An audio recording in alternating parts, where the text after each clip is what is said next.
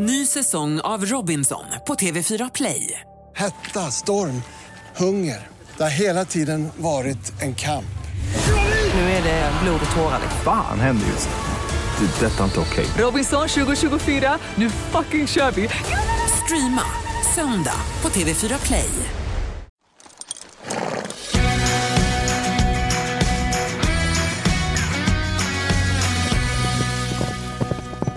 Nu kör vi Ridklubben, ett nytt avsnitt. Hej, Rebecka Levin. Hej, Gry Forssell. Vi har ju hästarna stallet tillsammans. Ja. Och sen så har vi jobbet tillsammans på radion på Mix Megapol där vi jobbar tillsammans. Ja. Ändå känns det som att vi aldrig ses förutom när vi poddar. Hur är det ens möjligt?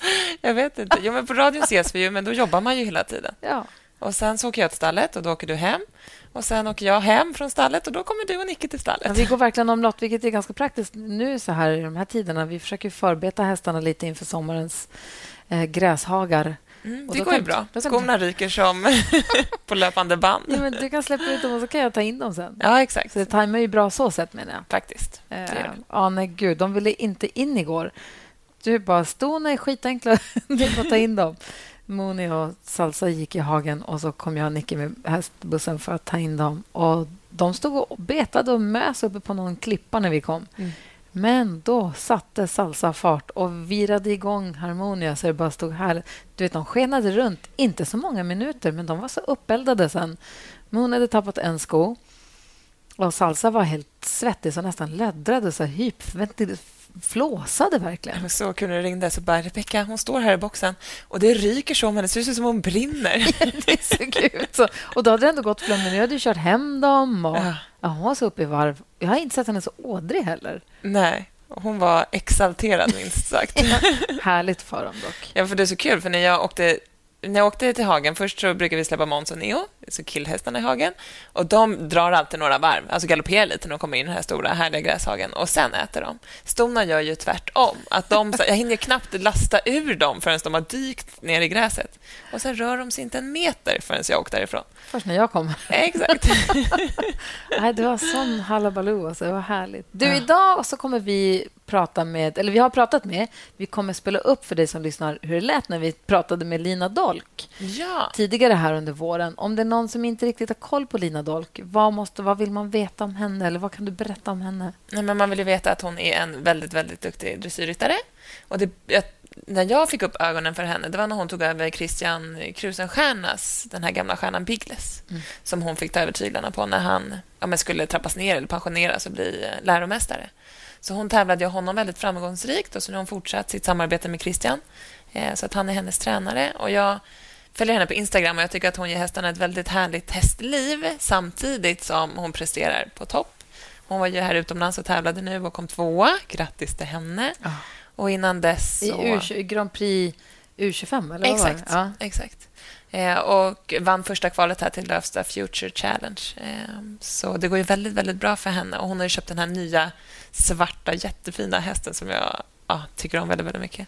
Men hon, Men- Så hon är duktig dressyrryttare, ehm, men inte SIP på något sätt. Tvärtom. Nej, men det är så här, hon är ute och rider på sina... Hon, det känns... Gud, vad fördomsfullt mot Ja, men dressyrryttare. jag vet. Nej, men, men, man, vi har pratat mycket med Karl Edin innan också. Och inte han- heller SIP. Nej, men precis. Och vi, det är härligt. Jag upplever att många är ju kanske bättre idag än vad man var förut på att ge hästarna. Och man kanske också är mer medveten om att alltså man behöver rida på olika underlag och miljöträning och sånt. Att det har blivit, den frågan har lyfts fram mycket bättre så att alla kanske är lite mer kunniga kring det och vill ge sina hästar så goda förutsättningar som möjligt. För det verkar Lina också vara väldigt mån om. Ja, men gud, ja. Och när vi träffade henne då hade hon precis börjat rida den här nya Justin, som han heter.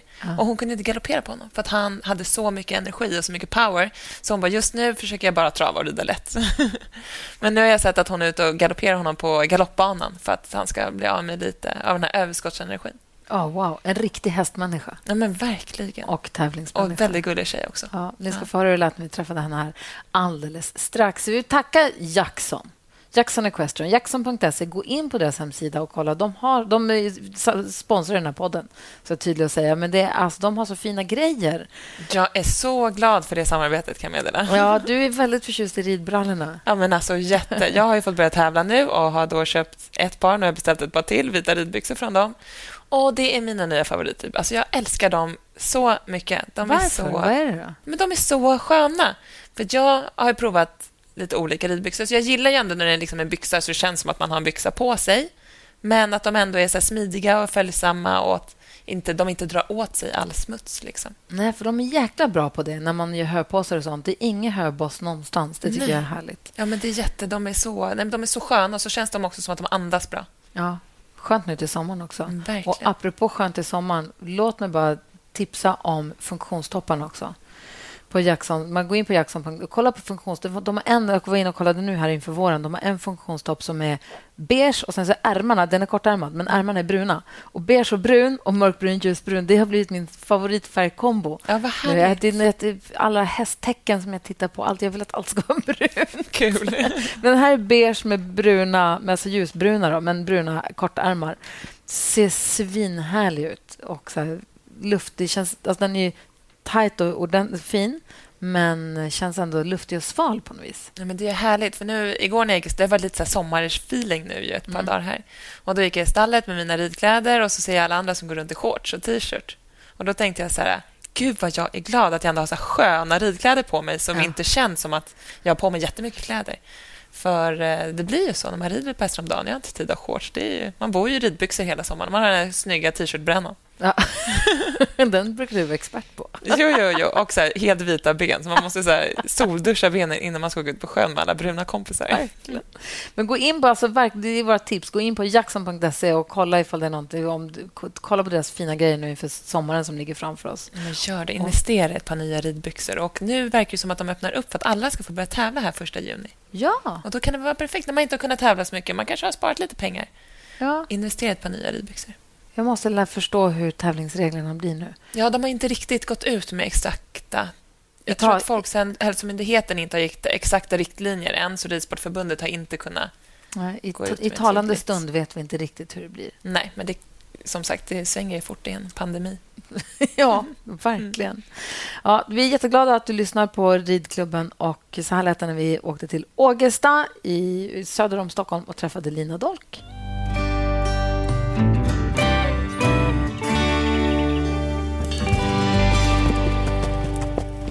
Nu ska vi prata samling, heta hästar och drömhästar med dressyrstjärnan Lina Dolk. Hej! Hej! Hur är läget? Det är bara bra. Bra. Jag vet att du rider hur många hästar om dagen? Ja, sju, tio. Det är, det är så fruktansvärt många hästar. Vill- Drömyrke. Ja. Så verkligen drömyrke, men också svårt yrke.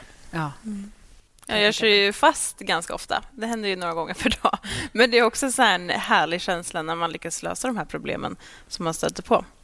Så det är riktigt så här... Det är motivation, framför allt nu kanske när det inte är så mycket tävlingar, att lösa de här liksom, övergångarna eller kanske en skänkelvikning som strular. Eller så här. När man lyckas liksom lösa de koderna, då, då har man en bra dag på jobbet. Ja, men för du rider ju mest hästar hemma i ditt ridhus. Ja. Själv. Ja. Du har ingen då som sitter och tittar på dig. Nej, precis. Och Det är därför också så himla bra att kunna åka till Christian ibland och träna och liksom se andra också ha problem eller se hur de löser olika situationer och samla lite inspiration där. Så att, eh, jag är ungefär där en dag i veckan och det är superbra. Christian, Christian Krusenstjerna rider du för en gång i veckan, men sen Ja. så rider du själv de andra dagarna. Ja, men exakt. Har du helt stallfritt någon dag i veckan? Nej. Har du familj? Ja, eh, vi bor som barnen i Bullerbyn hemma. Ja. Så att, eh, det är liksom ett gärde mellan alla hus. Eh, så jag bor tillsammans med min sambo Jonathan och vår lilla hund. Eh, och har kanske 150 meter till stallet ungefär. Det, det måste ju vara så, annars går det ju inte. Va? Nej, går kanske det gör, men eh, jag ser inte ett annat sätt. Jag tror jag kommer att bo kvar på den här gården tills någon får lyfta bort mig. Eh, jag älskar att bo på landet och har den här familjära känslan. Och jag tror att det är viktigt för mig också, för annars hade nog hästarna tagit liksom all tid och man kanske inte hade prioriterat att hänga så mycket med familjen. Nu blir det lite liksom, ja, men det blir naturligt med tanke på att vi bor så nära. Mm. Berätta, hur började din ridkarriär? Ja, jag är en sladdis, så att när jag föddes så fanns det lite shettisar och ponnysar på, på gården. Mina två stora systrar framför allt, Elin och Emma red. Eh, Så de slängde upp mig på hästarna så fort eh, jag hade någon styrsel i kroppen. Eh, Och ja, på den vägen är det. Nu idag är det bara jag som rider och jag driver eh, verksamhet hemma på gården. Eh, men det är framför allt tack vare dem tror jag som jag håller på med hästar. Jag fick tidig ålder uppleva eh, djur och framför allt hästar och den här härliga känslan att få ge sig iväg ut i skogen själv och bara känna att det är jag och hästen. Är det fördomsfullt av mig att bli överraskad att du som växte upp på en gård med shettisar och ponnysar och lite sådär, att du blev dressyrinriktad? Ja, men kanske. Jag hade nog en eh, tanke på att bli hoppryttare, men min ponny jag hade, den, den stannade och jag åkte av, så det blev dressyr. Det var liksom, eh, där kom jag i alla fall i mål. Kanske inte så bra procent, men jag kom i alla fall i mål. Så att, var du eh, rädd eller var det bara din tävlingshjärna som tog över? Att då, då byter jag gren, för jag ska... Ja, det var nog tävlingshjärnan, tror jag. Ja, ja det var det. Hur ska man göra om man har en dotter som rider? Mm. Om hon vill hoppa mest. Eh, alltså rider dressyr. Men om jag tänker så här, det vore kul om hon satsade lite mer på dressyren sen, kanske. Hur ska jag göra då? Men jag tror det kommer lite... Ja, exakt. Nej, men jag tror det kommer lite naturligt och självklart så ska man göra det man tycker är roligast. Men eh, jag idag i min vardag försöker göra lite allt möjligt med mina hästar för jag tycker att jag lär känna dem på olika sätt i olika situationer. Och jag själv blir bättre som ryttare om jag får göra lite, lite av varje, tror jag. Det är min filosofi. Ehm, och, ja, men, I tidig ålder så ja, men, tycker man det är roligt att hoppa, ja, men gör det. Men jag tror också det är viktigt att man är ganska noga som förälder att faktiskt ha ja, men, dressyren regelbundet också. Oh ja. Det är bara att sätta henne på att börja tävla fälttävlan, Nej. Jo, då kan hon, kan det är livsfarligt. Då kan hon hantera allt sen. Hon kan rida ut, hon kan hoppa och hon kan rida dressyr. Och jag tror ju att ju bättre ryttare man är, desto mindre riskfyllt blir det ju. Eller vad tror du, Lina? Jag tänker att du är ändå ute... Det är också fördomsfullt att säga att många dressyrryttare kanske inte alltid rider ut på sina hästar. Mm. Men jag tycker att du känns som en bra förebild som rider ut på alla dina mm. superfina dressyrhästar. Mm. Ja, men sen är det ju, det är ju flyktdjur och det går så otroligt snabbt när någonting väl är framme. Så att olyckor händer. Sen har jag klarat mig jättebra. Jag har varken fått en stukad fot eller bruten tumme liksom, eh, i stallet. Men eh, ja, jag tror också man mår bra av att göra lite av varje. Sen får det väl inte gå till överdrift. Att, ja, jag skulle du kanske inte börja styra... tävla fälttävla med Justin. Nej, nej. nej, det tror jag vi håller oss ifrån. Men att rida ut och ha kul, det kan vi absolut göra. Ja. Men som jag har förstått när vi, de, när vi har gjort de här poddarna, när vi har pratat med men som Karl Hedin som också rider dressyr, vi har pratat med många dressyrmänniskor som pratar om att man, eller också hopphästarna, att de är så himla... Att de är avlade så pass liksom heta mm. och så mycket blod i och så mycket energi i och så mycket tryck i. Mm. Att de är svårhanterade nästan. Vi pratade om dressyrhästar som man får liksom hänga, hänga efter en longerlina för att kunna liksom hålla styrsel mm. på. Att de kan vara ganska svårhanterade, hästarna på den nivån du rider. Eh, så att de är nästan många är väl svåra att faktiskt... Alltså att, det kan vara, att de är svåra att hantera och rida mm. ut med för att de är så pass nerviga. Absolut. Det finns ju självklart de hästar hemma i stallet där jag inte rider ut förrän jag känner hästen och jag känner att jag kan ha kontroll på läget. Och kanske ta med en trygg kompis eh, som hjälp. Eh, det krävs absolut. Och De är avlade med mycket, mycket energi idag. Och eh, Därför tror jag också det är viktigt att man har bra koll på sin häst från marken, kanske innan man ger sig ut. Det ska vara liksom respekt och den ska lyssna och vara lydig när man går med den. Eh, och kan man kanske börja med att gå en promenad ute i skogen så är det en bra start. Vad gör du mer för träning från marken? Eh, jag tömkör eller longerar mina hästar minst en dag i veckan för att se dem från marken. Och sen framför allt när man börjar jobba lite samling så jobbar de ganska mycket från marken. Ehm, börjar liksom trampa dem lite med hjälp av tum eller gå vid sidan eh, liksom bredvid. Ehm, men också bara det här in och ut från hagen. De ska gå bredvid mig, de ska inte gå och dra i grimskaftet. De ska vänta innan jag drar av grimman. Alltså bara sådana simpla saker. Ehm, de ska inte stå och eh, liksom putta på mig eller bita i grimskaftet. Liksom, det ska bara vara eh, enkelt och smidigt. Och Det tror jag också när man jobbar med hästar så blir man lite mer noga med det. Eh, det märker jag mycket med hästar som kommer i träning. Ägs den av en privatperson så har den ofta så här, ja men den gör så. Det har liksom tänt lite på de här gränserna medan vi är väldigt noga med att de ska vara lydiga i hantering för att det blir farligt när en häst eh, får för sig att göra något annat. Tror du att det är därför du aldrig haft en stukad fot? jag tror jag kanske har haft lite tur, absolut. Det kommer väl förr eller senare, det tror jag absolut. Men de dagarna när du longerar eller tömkör, rider du hästen också sen eller är det bara det den gör den dagen? Då? Eh, oftast bara det den gör den dagen, men det är lite olika. Eh, är jag på meeting till exempel så kanske jag tar ut och longerar den lite lätt eh, på morgonen och sen tävlar jag på eftermiddagen bara för att liksom rasta av kroppen och, och få den att röra lite på sig eh, för att den inte har samma tillgång till hag och så. Sen bor vi också väldigt bra där jag kan anpassa hästarna liksom ja, men, behöver den här hästen lite mer rörelse, ja, men då kanske jag kan ha lite större hage. Det, liksom, det finns plats och yta för att kunna ja, men, göra det så bra som möjligt för varje individ. Drömupplägg. Verkligen. Verkligen. Jag vet att du vill fråga om hästen. vi kommer dit snart. men okej, men om vi backar tillbaka. Du är uppvuxen på Fick du mm. egen ponny på en gång? Du hade ridit på ridskola? Eh, aldrig ridskola. Eh, har jag inte gjort. Jag ärvde mina systrars ponnyer och eh, ja, skaffade väl egentligen, eller fick min första ponny i sexårspresent. Så det var ju tidigt. Men hur har du lärt dig hästvettet? Är mamma och pappa hästmänniskor som kan? Eller? Nej. Eh, ja, vart har vi lärt oss det?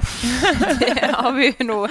Nej, nej men eh, det har ju varit mycket ridläger och man har eh, hängt mycket på Brolöten hos Emily Brolin när jag var ung och hängde varenda helg och liksom varje ledig stund hängde jag i stallet där.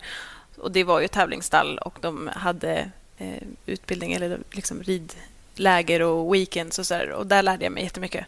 Eh, så det är nog därifrån det kommer. Absolut. Härligt. Och sen började du tävla dressyr? Eller började du med hoppning och så gick det inget bra? Nej, men jag började nog med hoppning, några tappra försök, men eh, det blev dressyr tidigt. Ja. Eh, och eh, ja, det har hållit mig kvar där faktiskt. Men du hoppar ju lite på hästarna hemma också ibland. Ja, men det gör jag. Jag har sett Absolut. att du... det, det, gör vi. Eh, kanske mer för skojs skull. Vi är inte så superduktiga eh, och det ser eh, kanske lite vilt ut ibland, men eh, det är kul och hästarna tycker det är roligt. Så det, ja. Hur lägger du upp då liksom, typ ett veckopass för hästarna? Hur viktigt mm. tycker du att det är med varierad träning? Eh, för mig är det jätteviktigt och alla hästar går varierat oavsett ålder.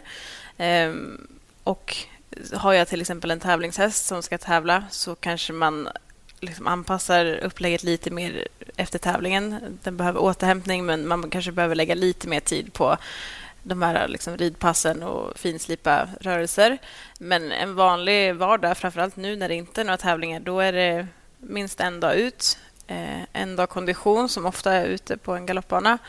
Och sen så har jag en dag från marken, en dag helt vila där de bara får gå promenad för hand. Och sen har jag kanske tre pass eh, dressyr, varav ett är lite mer lösgörande och två är lite mer ordentlig dressyr. Vad är det för skillnad på lösgörande dressyrpass och ett dressyrpass undrar jag då direkt. Jag måste tänka vad jag håller på med när jag rider. ja, men jag brukar ha, i vår filosofi när vi rider så har vi tre olika faser. Det är uppvärmningsfasen, och sen är arbetsfasen och så har vi en som kallas för tävlingsfas. Under ett och samma pass? Eh, ja, men precis. Man kan dela upp det på tre. Och under ett lösgörande pass så kanske jag ligger kvar lite längre i uppvärmningsfasen. Eh, kan du berätta lite mer om uppvärmningsfasen? ja, men det är mycket liksom det här kontroll på eh, gas och broms, kunna svänga höger, vänster, mjuka och följsamma hästar. Ehm, och där kanske jag ligger en 10-15 minuter normalt sett, liksom ett pass när jag ska jobba ordentligt. Och Då är det efter framskrittningen? Typ. Exakt. Ja. Ehm, och sen så går man Men det är alla gångarter? Det är bara att du ja, lite... alla gångarter, kolla gas och broms, kunna svänga och liksom smidig, göra dem lite smidiga och varma i kroppen. Och sen så när man går över till arbetsfasen så kortar jag gärna ihop dem lite grann i kroppen. De får gärna vara lite runda och så, eh, men lite liksom korta i kroppen och mer rörelser. Eh, liksom fokus på utbilda och finslipa rörelser. Och sen den här tävlingsfasen, den kanske jag checkar av fem minuter. Den är ganska kort. Då är det skarpt läge. Då är det skarpt läge. Då ska den upp i formen. Den ska gå liksom tävlingsform, öronen högsta punkt, näsan framme och kanske checkar av några rörelser i den formen eller trycker på liksom traven, tar fram den här fintraven, söndagstraven. Liksom. Söndagstraven. Jag älskar söndagstraven. ja, men man känner liksom lite på det här skarpa läget. Men det kanske jag gör fem, max tio minuter ungefär två dagar i veckan. Men eh, som sagt, åter till den här frågan. Så det är inte träningsform, utan då, då, är det, då vill du bara testa så att det finns? Ja, exakt. Um, så att mesta delen läggs ju på den här träningsfasen. Det är där jag jobbar som mest. Men eh, ska jag då ha ett lösgörande pass, men då kanske jag värmer upp i en kvart, 20 minuter och bara checka att hästen är mjuk och följsam. Och Sen så kanske jag lägger 5-10 minuter på arbetsfasen och sen så kanske jag nöjer mig. Eh, så de dagarna är ofta lite lättare för hästarna. Har du till bästa lösgörande övning? Mm, jag tycker skänkelvikningar längs långsidan det är en favorit. Skänkelvikningar längs långsidan. Tänker Med du att du rider bakle- öppna då eller tänker Nej, du som utan- slutar? Typ? Ja, men jag ställer hästen utåt mot väggen, så Ja. det är mycket ytterhjälper, yttertygel, ytterskänkel. Så att det kanske sneddar lite grann. Kommer jag på ridbanan så sneddar jag lite i hörnet och så ställer jag utåt och flyttar undan ytterskänkeln längs långsidan. Och Så du skär av hörnet lite för att få liksom... För att kunna ställa liksom lite utåt. Genialiskt. Vi kanske kan få någon att filma dig när du gör det här som vi kan lägga ut på podden på Ja. Instagram. Exakt. Ja, okej. Gud, vad intressant. Men då känner jag ju också så här... Och då tänker du, om vi hoppar över till tävling, då värmer du upp och rider likadant när du rider fram inför tävling. Men Ja. att då det skarpa läget är tävlingen. Mm, liksom. Lite så. Ehm, och eh, nu har ju varje häst liksom ett individuellt upplägg precis hur jag gör och vad jag använder för rörelser beroende på ålder och utbildning. Så där. Men ehm, jag har självklart med mig det här, liksom, de här tre faserna när jag gör en uppvärmning på tävling också. För det känns ju, alla pratar ju om de här systemen som de har. Mm. Alla har ju system. Då är det här ditt system. Ja, men Då kan- kan vi, och det känns ju genialiskt ändå. Mm. Och att hästarna vet att så här, då när du kopplar på det skarpa läget, då Mm. vet de att så här, okej, shit, nu gäller det. Nu är det perfekt halt. Det är en perfekt övergång som gäller och det är söndagstraven som ska fram. Jag tror det är viktigt att man är medveten om vad man rider när man tränar vad man rider i för trav till exempel. För skulle jag rida söndagstrav varje dag, hela passen, ja, men då håller inte mina hästar. Eh, men rider jag det i små portioner och checkar av, eh, då, ja, då har jag en frisk, sund häst som går i många år förhoppningsvis. När vi pratade med Peder Fredriksson Mm. så sa han att han, när, från att han rider in på banan så har han bestämt redan när han går banan att han kommer rida in så, svänga runt i hindret där, fatta galopp där. Lägga, han lägger alltid ett byte och sen rider han genom start. Och det, han sa att hästarna vet att när bytet kommer, nu ska vi köra. Det blir som en signal till dem att nu kör vi. Har du någon sån signal till dina hästar att nu kör vi? Ja, eh, jag har, eh, brukar välja vilken gångart jag vill visa banan i. Om det är trav eller galopp, oftast inte skritt. Eh, trav eller galopp brukar jag visa banan, rida runt i båda varv så att de har sett liksom, domarbord och solkatter eller andra eventuella läskiga saker från båda håll. Och Sen så brukar jag alltid nästan stanna och göra en halt, rätta till fracken, klappa hästen och sen får man startsignal. Pirrigt. Jag blir så nervös.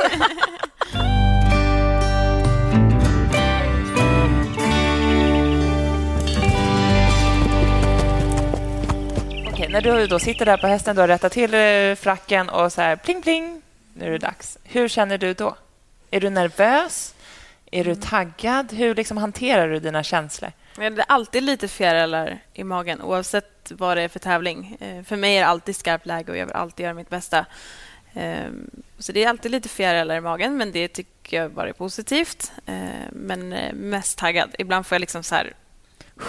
Ja, men liksom inte tagga för mycket på liksom timmarna innan jag gör ordning utan ha lite så lugnt och Du måste också ha din harmoniskt. uppvärmningsfas, Ja. din arbetsfas och din tävlingsfas. Ja, men verkligen. Och det vet eh, mitt team mycket väl om. När jag står och knoppar då vill jag vara själv. Jag vill gärna rykta hästen, göra i ordning den själv för att liksom, ja, få lite egen tid. För den egen tiden, så som min vardag ser ut idag, får jag inte riktigt hemma. Eh, Jag har eh, stalltjejer som hjälper mig att göra i ordning hästarna och ja, men då får jag inte det här liksom myset som man alltid fick förut när man står och ryktar hästarna. Utan jag försöker verkligen passa på på tävling att det är jag som gör ordning, det är jag som sätter på grejerna och jag kommer in i min bubbla liksom, där det är mycket fokus.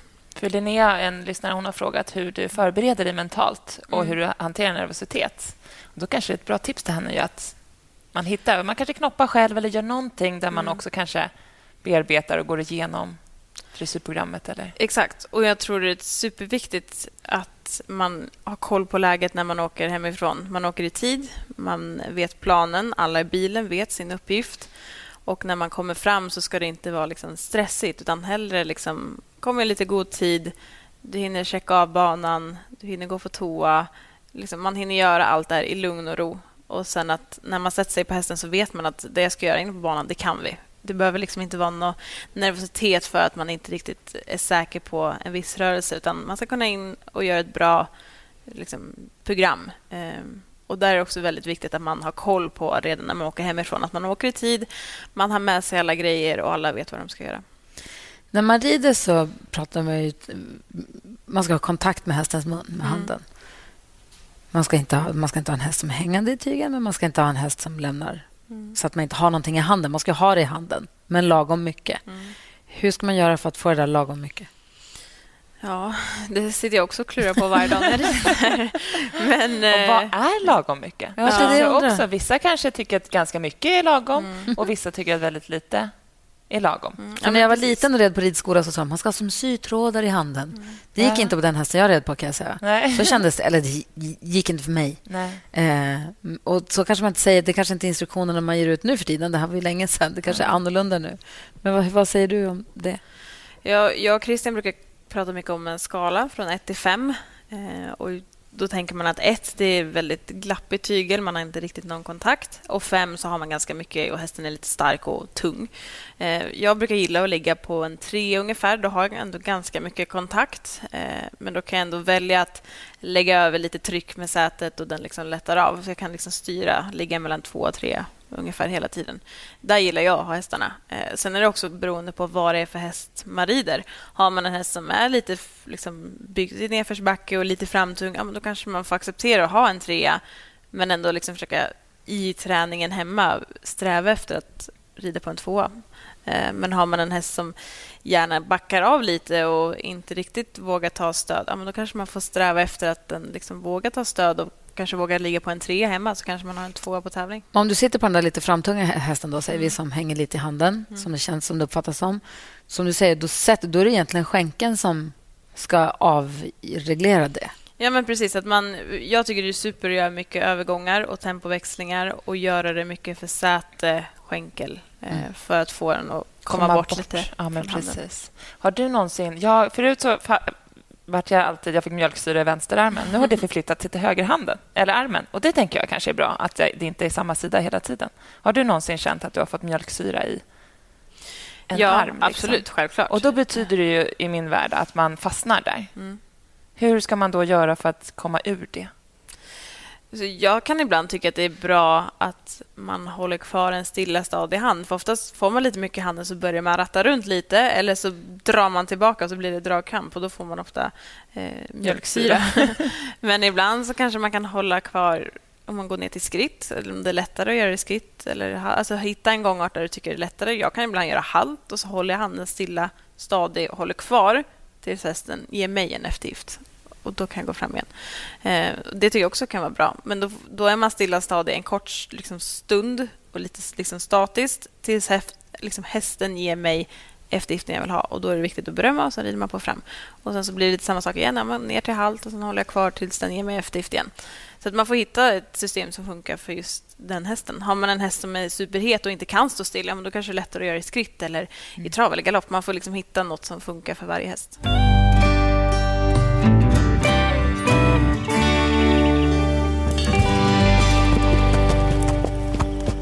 Om det är någon som precis har hittat den här podden så kan vi berätta att i första säsongen, om man söker upp ridklubben då, så pratade vi med Christian Krusenstjerna som är din tränare. Eh, och Då frågade vi honom vilken som var hans favoritdel av fyrkantsspåret. Vilken är din? Min är nog när man kommer ut ur andra hörnet, ut på långsidan. För då har man oftast någonting framför sig. Man har kanske en travökning eller man har en övergång eller någonting. Det är liksom ofta någonting på gång. Eh, och det är mycket förberedelse liksom, i, i den sista hörnpasseringen. Och när man kommer ut då ska, det liksom, då ska allt vara på plats. Så att jag tror ja, andra hörnpasseringen ut på långsidan, det är nog min favoritdel. Rider du någonsin en hel långsida utan att det händer någonting på den?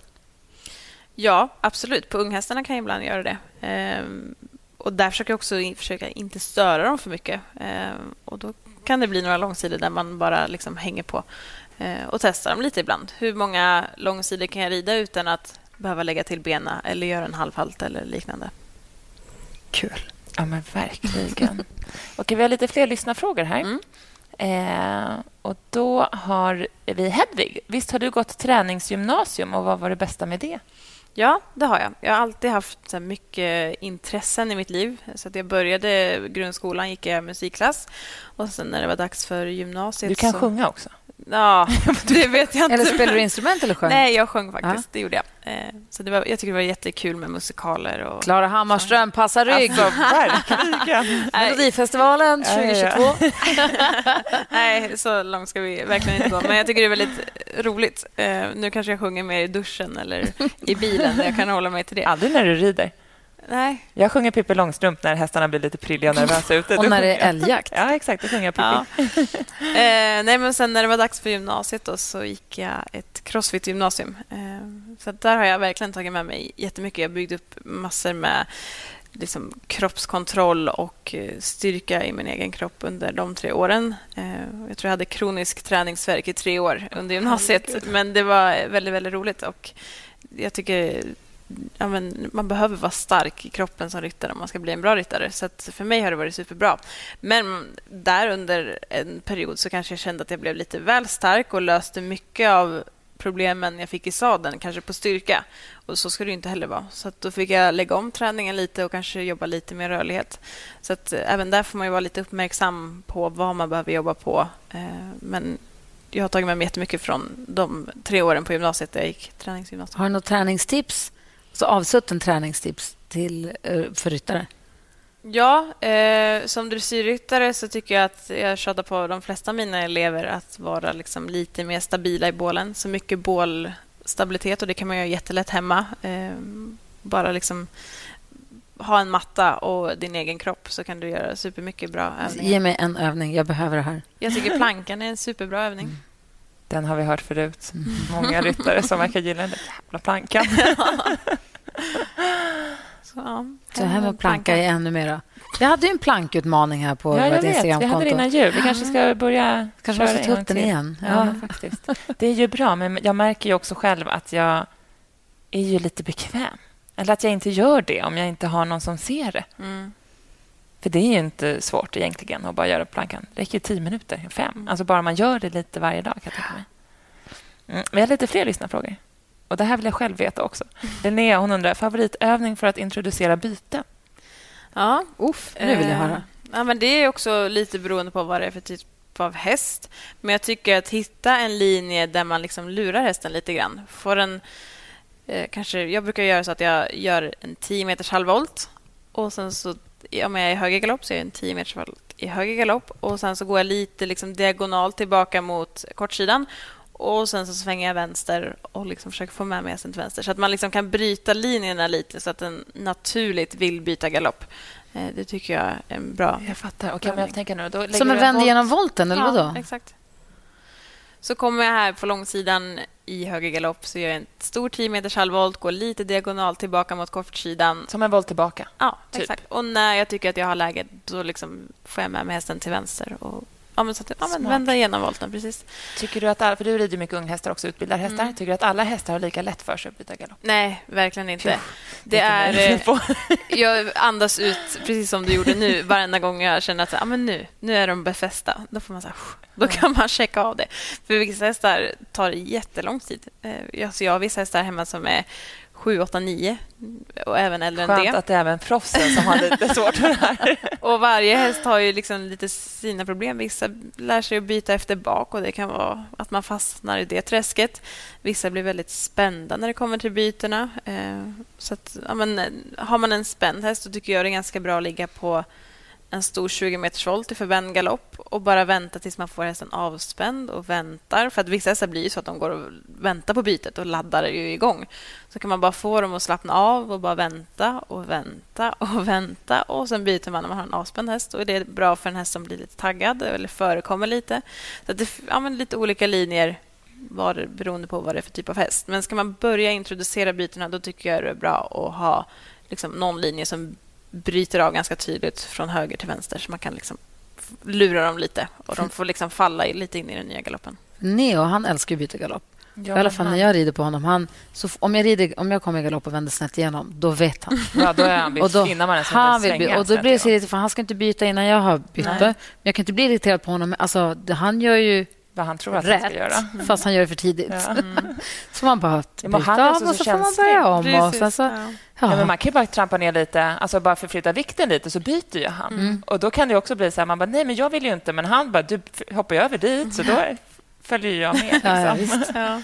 Okej, men om vi fortsätter på byten då. Om du har en häst som du byter galopp på och det går bra fram till bytet, men efter bytet vill den rusa iväg. Mm. Hur gör man bäst då för att det inte ska uppstå en dragkamp där? Liksom? Mm. Jag tycker det är bra antingen att göra en övergång till skritt eller lägga kanske en 8 meters volt. Så att man liksom får, de får ju oftast, om gör man det på en diagonal så har man ju en rak sträcka framför och då är det bara att säga Tack och hej. tack och hej och sen så drar de. Eh, så att liksom bryta mönstret, göra en övergång till skritt, får den att skritta avspänt så fattar man galopp igen. Och så gör man det konsekvent kanske sju gånger och så tänker man bara skritt åttonde gången, ja, men då väntar de. Eh, Smart. Det där är ju lite samma sak som hoppningen om hästarna vill rusa efter hindret. Ja. Att då saktar man ju av efter hindret.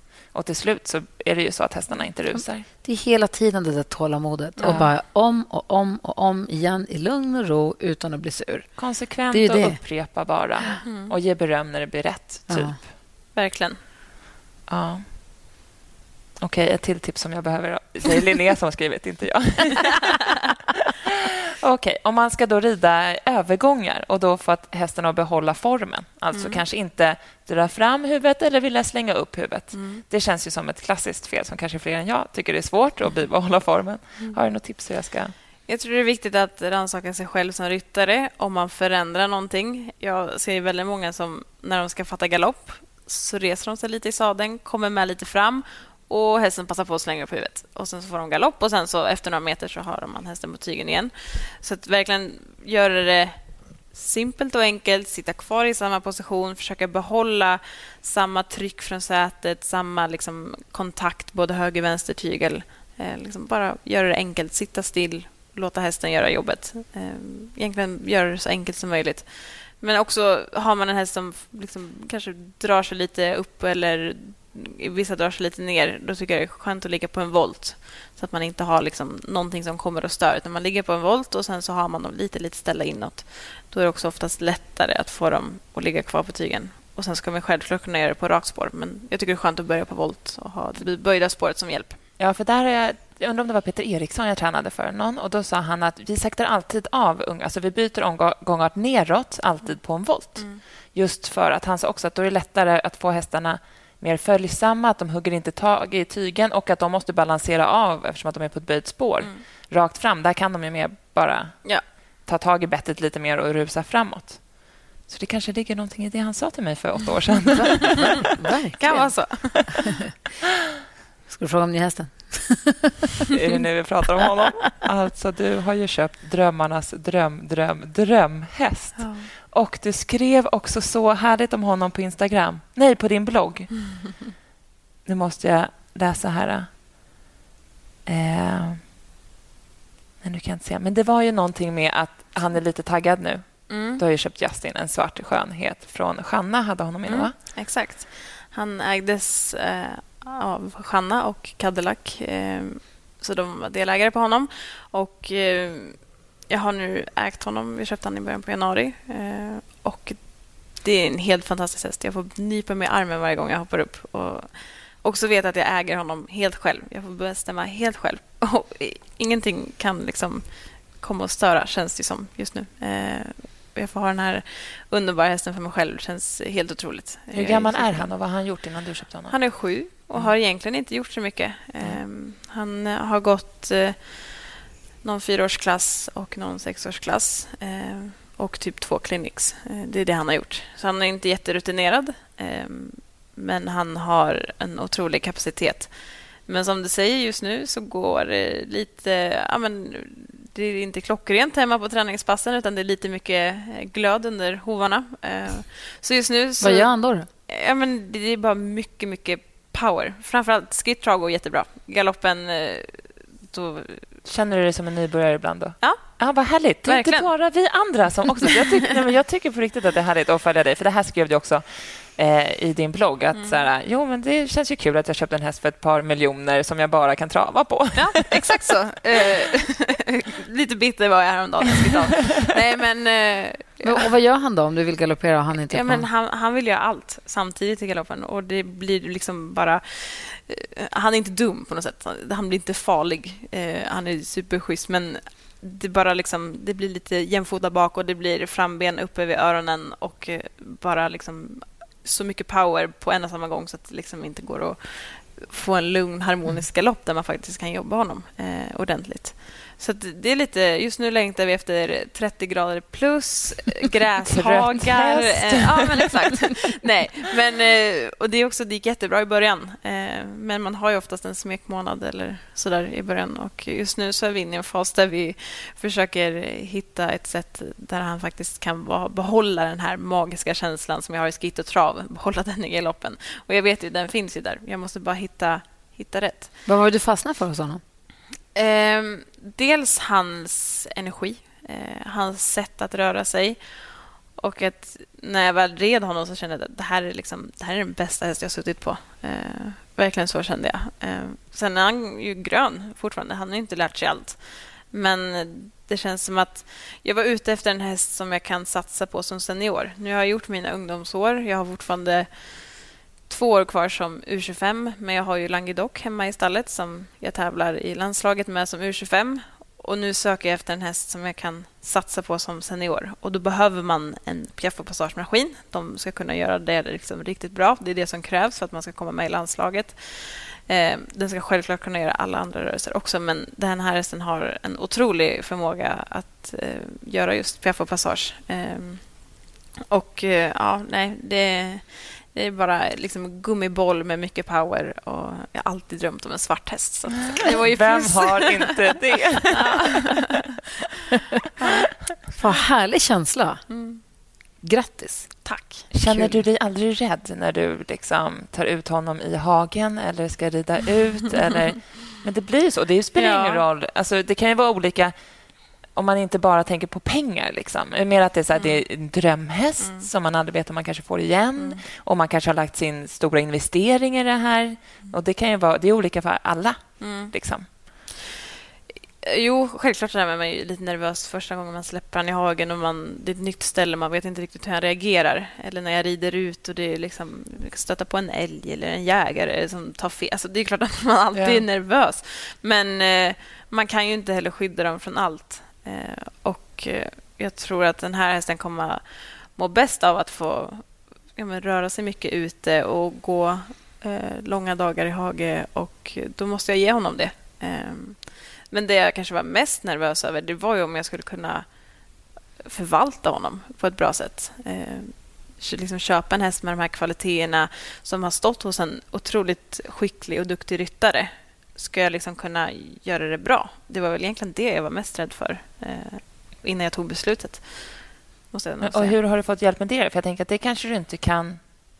Eh, alltså, alltså hur, du behöver kanske hjälp på vägen då, mm. att tro på dig själv. Mm. För Precis, jag kan tänka mig att du, exakt, att du nu kanske tycker att du är dålig och lite misslyckad för att det inte mm. går så bra. Med, alltså det är lätt att man där klankar ner på sig själv. Mm. Att man är inte good enough. Liksom. Ja, men verkligen. Eh, och när jag åkte provreda honom första gången så åkte jag själv. Eh, jag hade ingen som liksom var med. Och, när jag hoppade av och satte mig i bilen så ringde jag hem till min syster och bara ah, han är det bästa jag har sett. Och det bästa. Bara, liksom, bara, så här, han är så bra, vi måste ha honom. Och sen så började jag liksom tänka till att så här, okay, det är jättestor investering. Kommer jag klara av det här? Och Då tog jag med mig Christian andra gången. Och sen så red jag själv från start och kände på honom. Och sen fick Christian hoppa upp och rida han och mycket diskussioner fram och tillbaka eh, mellan mig och Christian. Eh, och till slut så kände jag att nej, liksom bestämmer inte jag mig nu för att ta honom, då kommer någon annan ta honom. Så att, eh, också så här, det, han är sju, vi har all tid i världen på oss. Eh, det får ta den tid det tar. Just nu så skulle jag inte ens kunna rida in och rida en C för att vi kan inte galoppera. Men eh, om några månader så kanske vi ligger lite mer i fas. Eh, så att, eh, ja, nej, jag fick bestämma mig att eh, ska jag göra den här satsningen och vill, vill rida i landslaget som senior, då behöver jag, då behöver jag våga chansa också. Gud, vad kul att få följa med och titta alltså, alltså bara, så på, från läktaren ja. och få följa den här resan. Mm. Det ska bli superkul. Ju.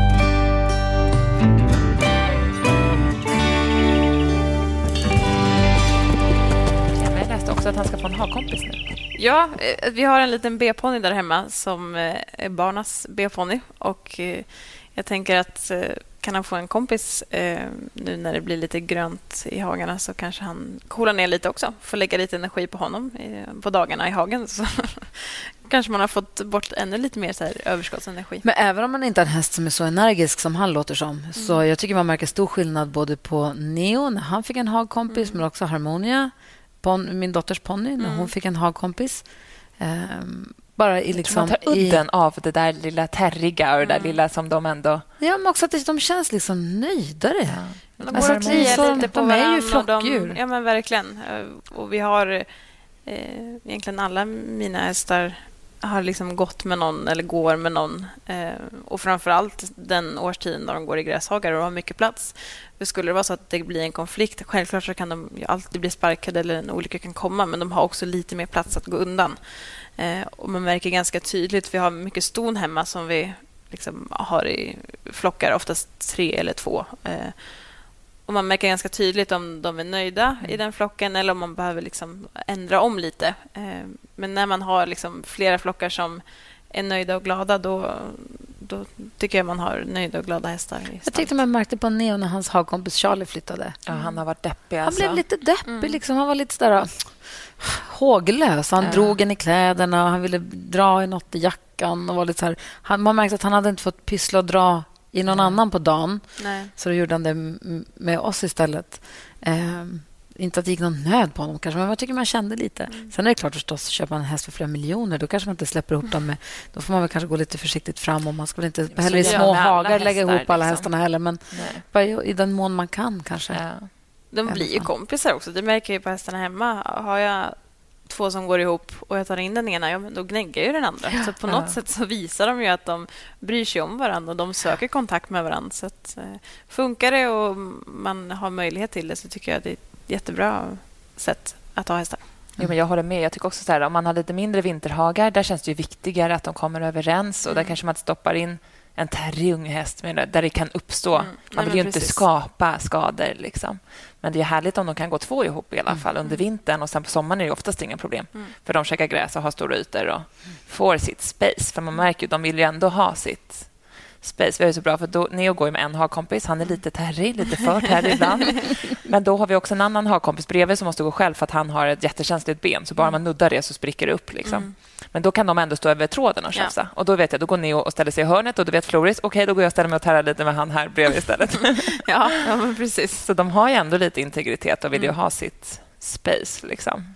Sen finns det de hästar som inte funkar att gå med någon. Ja, men då får de gå, då får de gå själva. Liksom. Exakt. Så att man, det gäller nog att hitta en, en vardag som funkar för varje individ. Ja. Eh, det tror jag är viktigt. Ja, för det är också mycket pengar och alla har investerat och ja. man får göra som man vill. Liksom. Ja. Men bara alla känner sig nöjda. Har du några mer frågor? Nej, bara kolla om vi har fler lyssnarfrågor här. Alltså, ja, men vi har lite... Tusen frågor. Man kan ju prata hur länge som helst. Jag vet inte riktigt vad, vad klockan är. Men...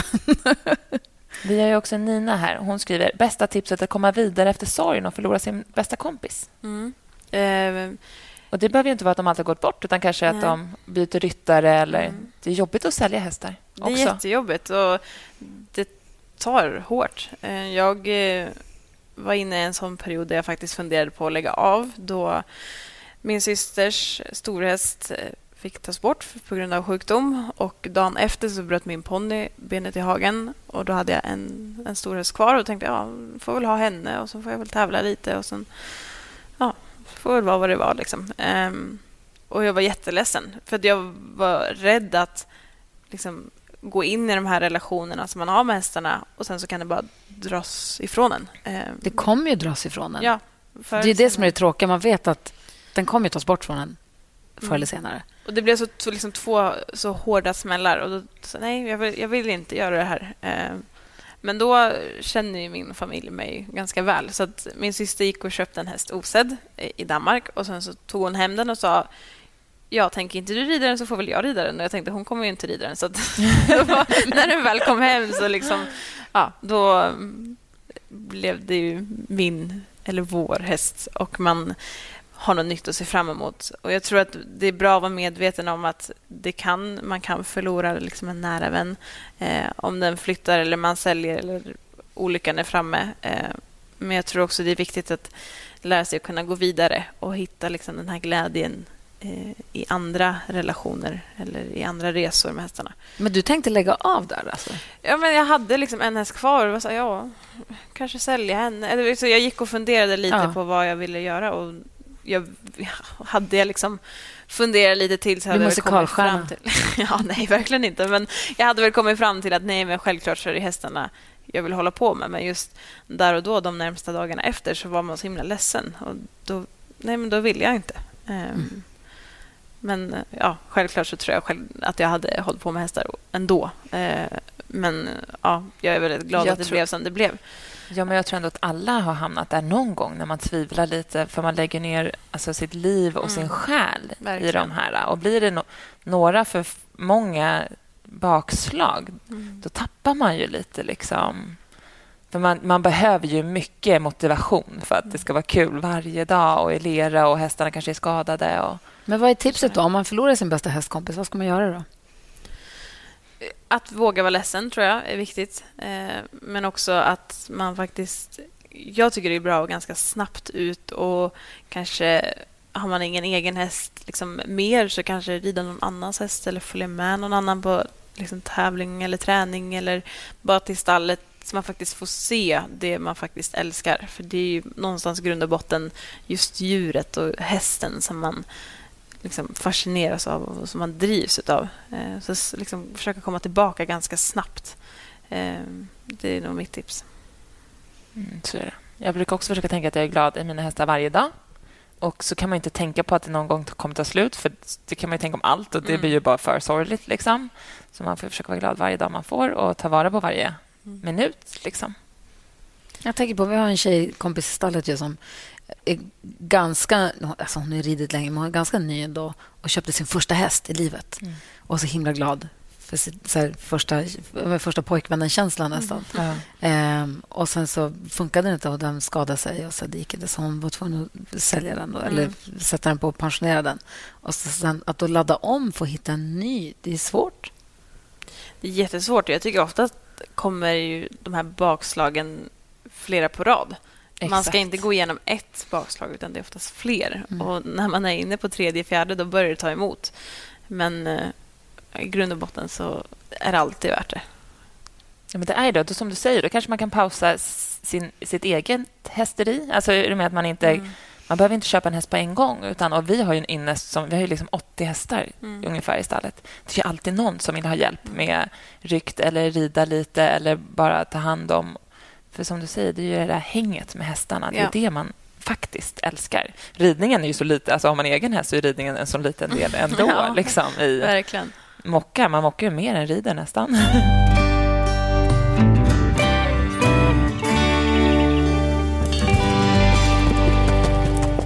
helt annan sak som jag tänkte på nu när jag var på väg hit. Jag lyssnade på... Du och Christian, ni har de här samtalen på Instagram som mm. ni har. Eh, Christian och Lina och Christian pratar om. Mm. Eh, och Då pratade ni om longering och tömkörning. Och då pratade ni om ekiband. Mm. Använder du det av det?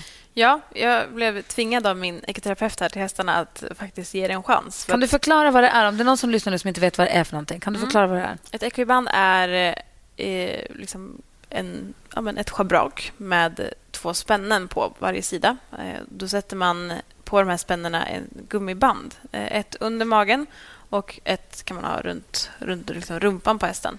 Så ett går som en sadeljord och en går som bakom mm, rumpan? Man, har ju liksom, man sätter fast det här schabraket med en jord eller en sadel ja. eller vad man nu har.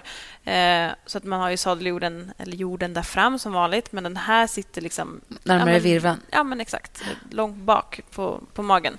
Och Det är för att de ska liksom aktivera och liksom få upp de här liksom magmusklerna. För oftast så går de lite med sänkt rygg och liksom kanske inte riktigt aktiverar magen. Men att få dem liksom att spänna och ta i och behålla det, eh, då är Equiband ett jättebra komplement. Och jag tyckte att varför ska jag... jag har, vi har inte hästarna heller inspända, utan man kan longera dem i grimma. Eh, och jag tänkte, varför ska jag hålla på och longera min häst i grimma med något band som inte hjälper eh, och hästarna bara springer? Vad du, du har grimma och longerlina. Mm. Du har den här eh, schabraket med en jord där sadeljorden brukar sitta, precis. en jord längre bak på magen och en runt rumpan. Mm. Som... Och precis, så det är den här längre bak på magen som är elastisk, ja. ett gummiband och även den runt rumpan. Eh, och jag kan använda det runt rumpan på vissa hästar men jag tycker framför allt det här bandet under magen är det som liksom har gett mig mest eh, effekt, eller mina hästar. Och varför är grimma då? Eh, men man ska ändå inte ha dem eh, inspända utan de ska gå och hitta sin egen balans. Eh, och Då behöver man inte ha någon grimma eller någon träns. Men sen har jag vissa som är lite vilda och då kanske det är bra med träns så att man får lite mer liksom, kontroll. Men eh, man kan de... ju typ ha kapson också. Eller ja. liksom... Man kan ha lite vad man vill. Mm. Men eh, vi brukar köra i grimma. Och, eh, tanken är ju då att de ska hitta en egen balans. De ska liksom söka sig lite neråt och framåt, hitta en lång och låg form men aktivera magen och verkligen liksom spänna kåren, komma upp och jobba rätt över ryggen. Eh, och jag var ganska skeptisk till det här till en början. Eh, men, För att? Ja, men jag tyckte inte det gav något. Jag tänkte, vad ska det där ge? Eh, Som allt annat. Det känns, barnartiklar och hästprylar, det är det man ska uppfinna om man ska tjäna pengar. Liksom. Men jag tänker så de springer ju bara runt och är långa. Och, för när jag jobbar med hästar från marken från vanligt så har jag dem ju inspända oavsett om jag longerar eller om jag tömkör. Så antingen gör jag inspänningen eller så har jag dem inspända. Mm. Eh, varför ska de springa och liksom vara fria i formen och jogga runt? Då kan de ju lika gärna springa i hagen, typ. Mm. Eh, så att hon sa, ge det här en chans nu. Och sen så tog jag tre hästar och så gav jag det en chans i två månader och eh, ser faktiskt superbra effekt. Eh, vissa hästar mer, vissa hästar mindre. Men eh, ja, just det här liksom, få dem att jobba rätt över ryggen, hitta en bra stabilitet i bålen och ja, men också bra med ett pass där man inte sitter på hästen och den inte behöver gå inspänd utan den får gå och hitta sin egen form och man vill bara få dem att lunka runt. De ska inte skena runt på longeringslinan. De ska bara gå i lugnt tempo. Eh, börjar oftast med skritt och trav. Och Det här tar sådant också, så att man får vara lite försiktig med hur många minuter man håller igång. Oftast så, jag fick det här ska man ju fråga någon ekiterapeut, alltså någon ja. som kan Precis. det här, hur man gör med just den Och hur hästen, man passar liksom. ut och Exakt. så vidare. Men jag fick order om att börja fem minuter. Jag tänkte, fem minuter kommer inte ge någonting. Men eh, får man hästen avspänd och jobbar rätt så börjar den frusta väldigt snabbt. Och när man sen lägger till galopp så ser man att de får verkligen kämpa och de får ta i. Eh, så att, nej, jag tycker att det är ett superbra komplement på vissa hästar. Det funkar inte på alla. Vi har vissa unghästar som bara hetsar upp och liksom springer ifrån jobbet. Eh, så då tycker jag det är bättre att kanske tömköra eller longera eh, den dagen. Men vissa hästar funkar det riktigt bra på. Men de här du testade då i två månader, hur många gånger i veckan? Eh, en gång i veckan. En gång i veckan i två eh, månader och efter det så kände du ändå ett bra resultat. Vissa hästar som kanske hade lite mer så rehab, ja, men de mm. kanske fick två eller tre gånger i veckan för att de liksom fick Inte order. Också, liksom. eh, men eh, en gång i veckan har jag kört på en av mina tävlingshästar, till exempel Hatti som är sju, haft föl och går liksom med magen här nere. Liksom. Det funkar hur bra som helst och jag ser jättestor skillnad på henne. Och eh, Hon känns liksom stark när jag rider. Det är så mamma-mage-övning, fast för hästar. Ja, Precis, men, finns alltså... de för människor? ja, ja det men jag kan tänka mig att det är nog lite de här... Man kan ha liksom, gummiband runt benen, när man gör lite eh, skotts och grejer. Jag tror att det är lite samma, samma effekt. Liksom, ja, men, Ja, men annars om du longerar mm. eller tömkör, som du säger. Tömkör så är det du som har tömmarna. Men mm. annars när du longerar, då har de inspända lite grann? Eller? Ja, då har jag dem lite inspända och eh, jobbar i alla gångarter. Ja. Härligt. Jag måste lära mig. Jag måste öva tömköra. Ja, men mm. vi har ju köpt en liten sak. som du... Jag har köpt en shettis. Jag ska öva mig på att tömköra ja, på den. Perfekt. Ta det ett steg i taget. Sen gå på ja. Harmonia. Exakt. Sen får jag gå på de andra. ja, men jag brukar faktiskt uppmana mina elever att hem och våga tömköra. För att de flesta tömkör inte, de longerar istället. Ja. För att det är mycket lättare. Men lär man sig att tömköra så är det ett jättebra liksom, träningskomplement och man liksom kan experimentera lite och prova sig fram. Och... Ge mig en crash course, en minut hisspitchen på tömkörning. Berätta, hur gör man? Du behöver en bra jord. Ja. Eh, du behöver bra tömmar, helst läder, båda två. Eh, ha tillräckligt långa tömmar så att du inte kommer för nära hästen. Eh, och börja på volt, tycker jag. Eh, du sätter liksom jorden som vanligt. Eh, tömmarna får du gärna ta hjälp av någon som har tömkört tidigare. Man kan sätta dem på tusen olika sätt.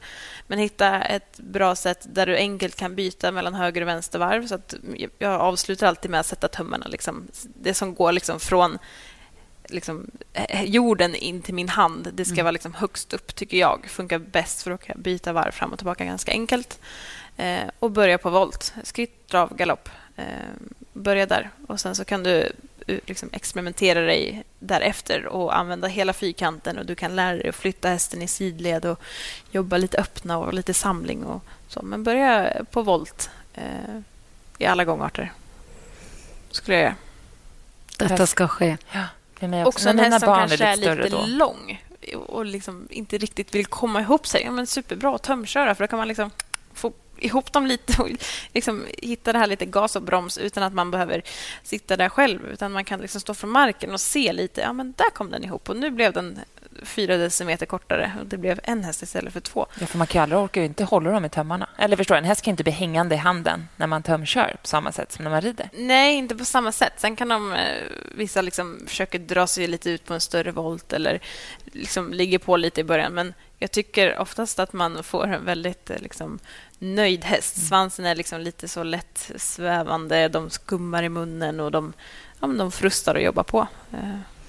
Eh, De får inte massa signaler av en förvirrad ryttare utan det, det blir lite mer liksom... Klint, Ja, typ. exakt. Ja. Nej, det är mycket man behöver bli bättre på, Gry. Ja, men det handlar väl också väldigt mycket om tid. ja, Och också förutsättningar i form av att det ska finnas plats i ett ridhus att vara. Och som Vi har ett jättestort ridhus, men då är det ofta kanske någon annan där. Och Då är man inte jättepoppis om man kommer in och ska börja tömköra. Och... Och lära sig att tömköra dessutom. Nej, men precis. Det handlar, och så måste man, som sagt, så måste man ha all den här tiden. Och Det är väl det som är problemet om man inte som du då jobbar med hästar. Ja, men precis. Men att man ska, jag tror också att man kan ehm, bjussa sig själv på den tiden i form av att ja, men då rider vi inte idag. Utan då, Mm. ja, alltså att man kan inte göra allting alla dagar. Nej, och sen tror jag också så här... Man kan ju tömköra utomhus, men då kanske man har någon som går där fram i ett grimskaft som bara är en extra ifall att du vet, hästen skulle bli rädd för något eller att man inte vet jag, trasslar ihop sig. Eller... Det är också, det går, alltså, allting går ju bara om man ser lite utanför boxen och kanske vill. Typ. Ja, absolut. Nej, tömkörning, Gry. Verkligen. Blir... Tömkörning och magmamma-träning. Jag väntar ju faktiskt ett föd här i vår. Gud, jag trodde du skulle säga att du väntar barn. Nej, Oh, oh, oh. har inte jag gjort jätteklart för dig att jag är så klar på den fronten? Du var väldigt tydlig med att du inte ska ha fler barn, men det kändes precis som att du var på väg att säga det nu. Jag bara... Nej, inga mer människobarn, men ett hästbarn ska jag förhoppningsvis få här i vår. mysigt. Och då kanske jättebra för den mammahästen då, som ska sen förhoppningsvis bli min rid och tävlingshäst att köra lite ekiband. Det tror jag Jag ska verkligen. prata upp med min ekiterapeut hur vi ska få henne att bli stark. Det gör du rätt i. Ja. Härligt. Jag tänker inte på att du har det dräktiga stoet. Du kommer ha så mycket hästar. Hur ska du Det tar vi i något annat program. För då. Det är lätt att de liksom sakta men säkert blir fler och fler utan att man eh, har någon riktig koll på Ja. det. Exakt jag där är jag. Ja. Exakt där. Så där känner jag också. Och så tänker jag till mig själv, men gud, är jag helt dum i huvudet? Vad håller jag på med? Och Gry säger, nej, det här blir kul. Jag har faktiskt haft ett år förra året där jag liksom rensade av lite av mina egna hästar. Jag ska inte Mycket. ha så många, tänkte jag. Och tyckte jag var duktig och sålde jättemånga hästar och det var liksom hemskt på ett eh, och samma sätt. Men så, ja, men bra. Nu har jag två hästar, två sjuåringar. Det är perfekt. Och sen just det, jag hade en eh, tvååring också. Och just det, sen har vi B-ponnyn till alla barn. Och så, till slut så har man ju mycket hästar ändå. Sen vart de dubbla igen. men nu är de fyra egna och det, ja, det är lagom. Det är inte, inte Det är också ganska mycket. Ja, Alltså så är fyra ju. hästar är ändå mycket. Sen så rider du ju så otroligt många hästar ändå. Ja, nej, men eh, ja, jag tror fyra det är lagom eh, mängd av mina egna. Och sen så kan jag ha lite mer tid för utbildning eller försäljning. Eller... Vad var det Sigrid Bergåkra sa när vi pratade med henne? A girl needs a horse or 20. Ja, exakt. I feel her. jag jobbar mig sakta men säkert upp till 20. Nej, usch. Nej, man ska ha tid för dem också. Ja. Så är det. Ja. Ja, men så är det. Man ska känna att man eh, kan lägga ner vad varje häst behöver. Det, det är det viktiga. Men just nu så går jag en bara på lösdrift och växer till sig. Och den andra, det är ju barnens ponny. Så att, Ja, men det är, säger man kan ju två. lätt samla på sig hästar så där som man inte har i sitt eget stall. Liksom. Ja. Nu när vi träffas, Mm. eh, det, allt kan ju förändras, det kan ju hända så mycket, men just nu när vi träffas så är det ju pandemi och det är Mm. herpesviruskaos, eh, fruktansvärt. Eh, så att det är lite svårt att sia om framtiden också, tävlingsmässigt och sånt. Men vad har du för plan eller vad har du för mål? Om du ser lite längre bort Mm. än 2021. Mm. Ja, planen är ju att eh, nu när jag har Languedoc, som inte är min egen utan han ägs av Anna Edling och Bo Eriksson eh, och jag får chansen att rida och tävla den hästen att min U25-tid har jag mycket fokus på honom eh, samtidigt som de yngre hästarna självklart ska liksom ligga i fas. Men just nu är det liksom U25 fokus och förhoppningsvis så kommer vi igång och börjar tävla här och vi har kanske ett EM eh, förhoppningsvis här i Hagen. Eh, framåt sommaren. Eh, men framåt sett så har jag ju två egna sjuåringar som jag tror jättemycket på för framtiden. Och den här nya Justin har jag en dröm om att få, få liksom ta med upp i landslaget som senior. Nu är det snart klart på ungdomsåren så att nu är det dags att bli vuxen. Men då har jag också lite mer tid och man kan liksom lägga lite mer fokus på de hästar man verkligen tror på. Ehm, Om, när du kommer med i landslaget som senior, kommer du börja dricka kaffe då? Ja, jag får väl gå- fundera på den. Gör inte det. Du kommer hinna rida en häst till om dagen om du skippar alla koppar kaffe. Ja, ja, nej, jag tror inte jag blir någon kaffedrickare, men jag kan ge det ett försök. Ja, bra. Lovar. Hörru, tusen tack för att vi fick träffa dig och prata med dig. Otroligt inspirerande. Verkligen. Ta med sig himla mycket Gud, från- Jag ska rida så mycket dressyr och tömkörande. så att det... Men Jag säger då, kommer bli dressyrtant. Ni Ja. eller livet, men jag kan göra både och. All hoppning bygger ju på dressyr också. Så att... Det är ju det. Hoppningen är ju så en procent. Däremellan är det dressyrarbete. Liksom. Exakt. Jag har faktiskt hoppträning imorgon hemma på plan, hemmaplan. Så att, eh, ja.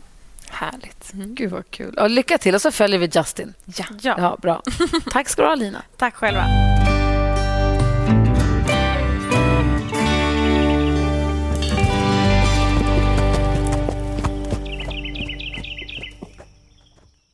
Ny säsong av Robinson på TV4 Play. Hetta, storm, hunger. Det har hela tiden varit en kamp. Nu är det blod och tårar. liksom. Fan händer just nu. Det. är Detta är inte okej. Robinson 2024, nu fucking kör vi! Streama söndag på TV4 Play.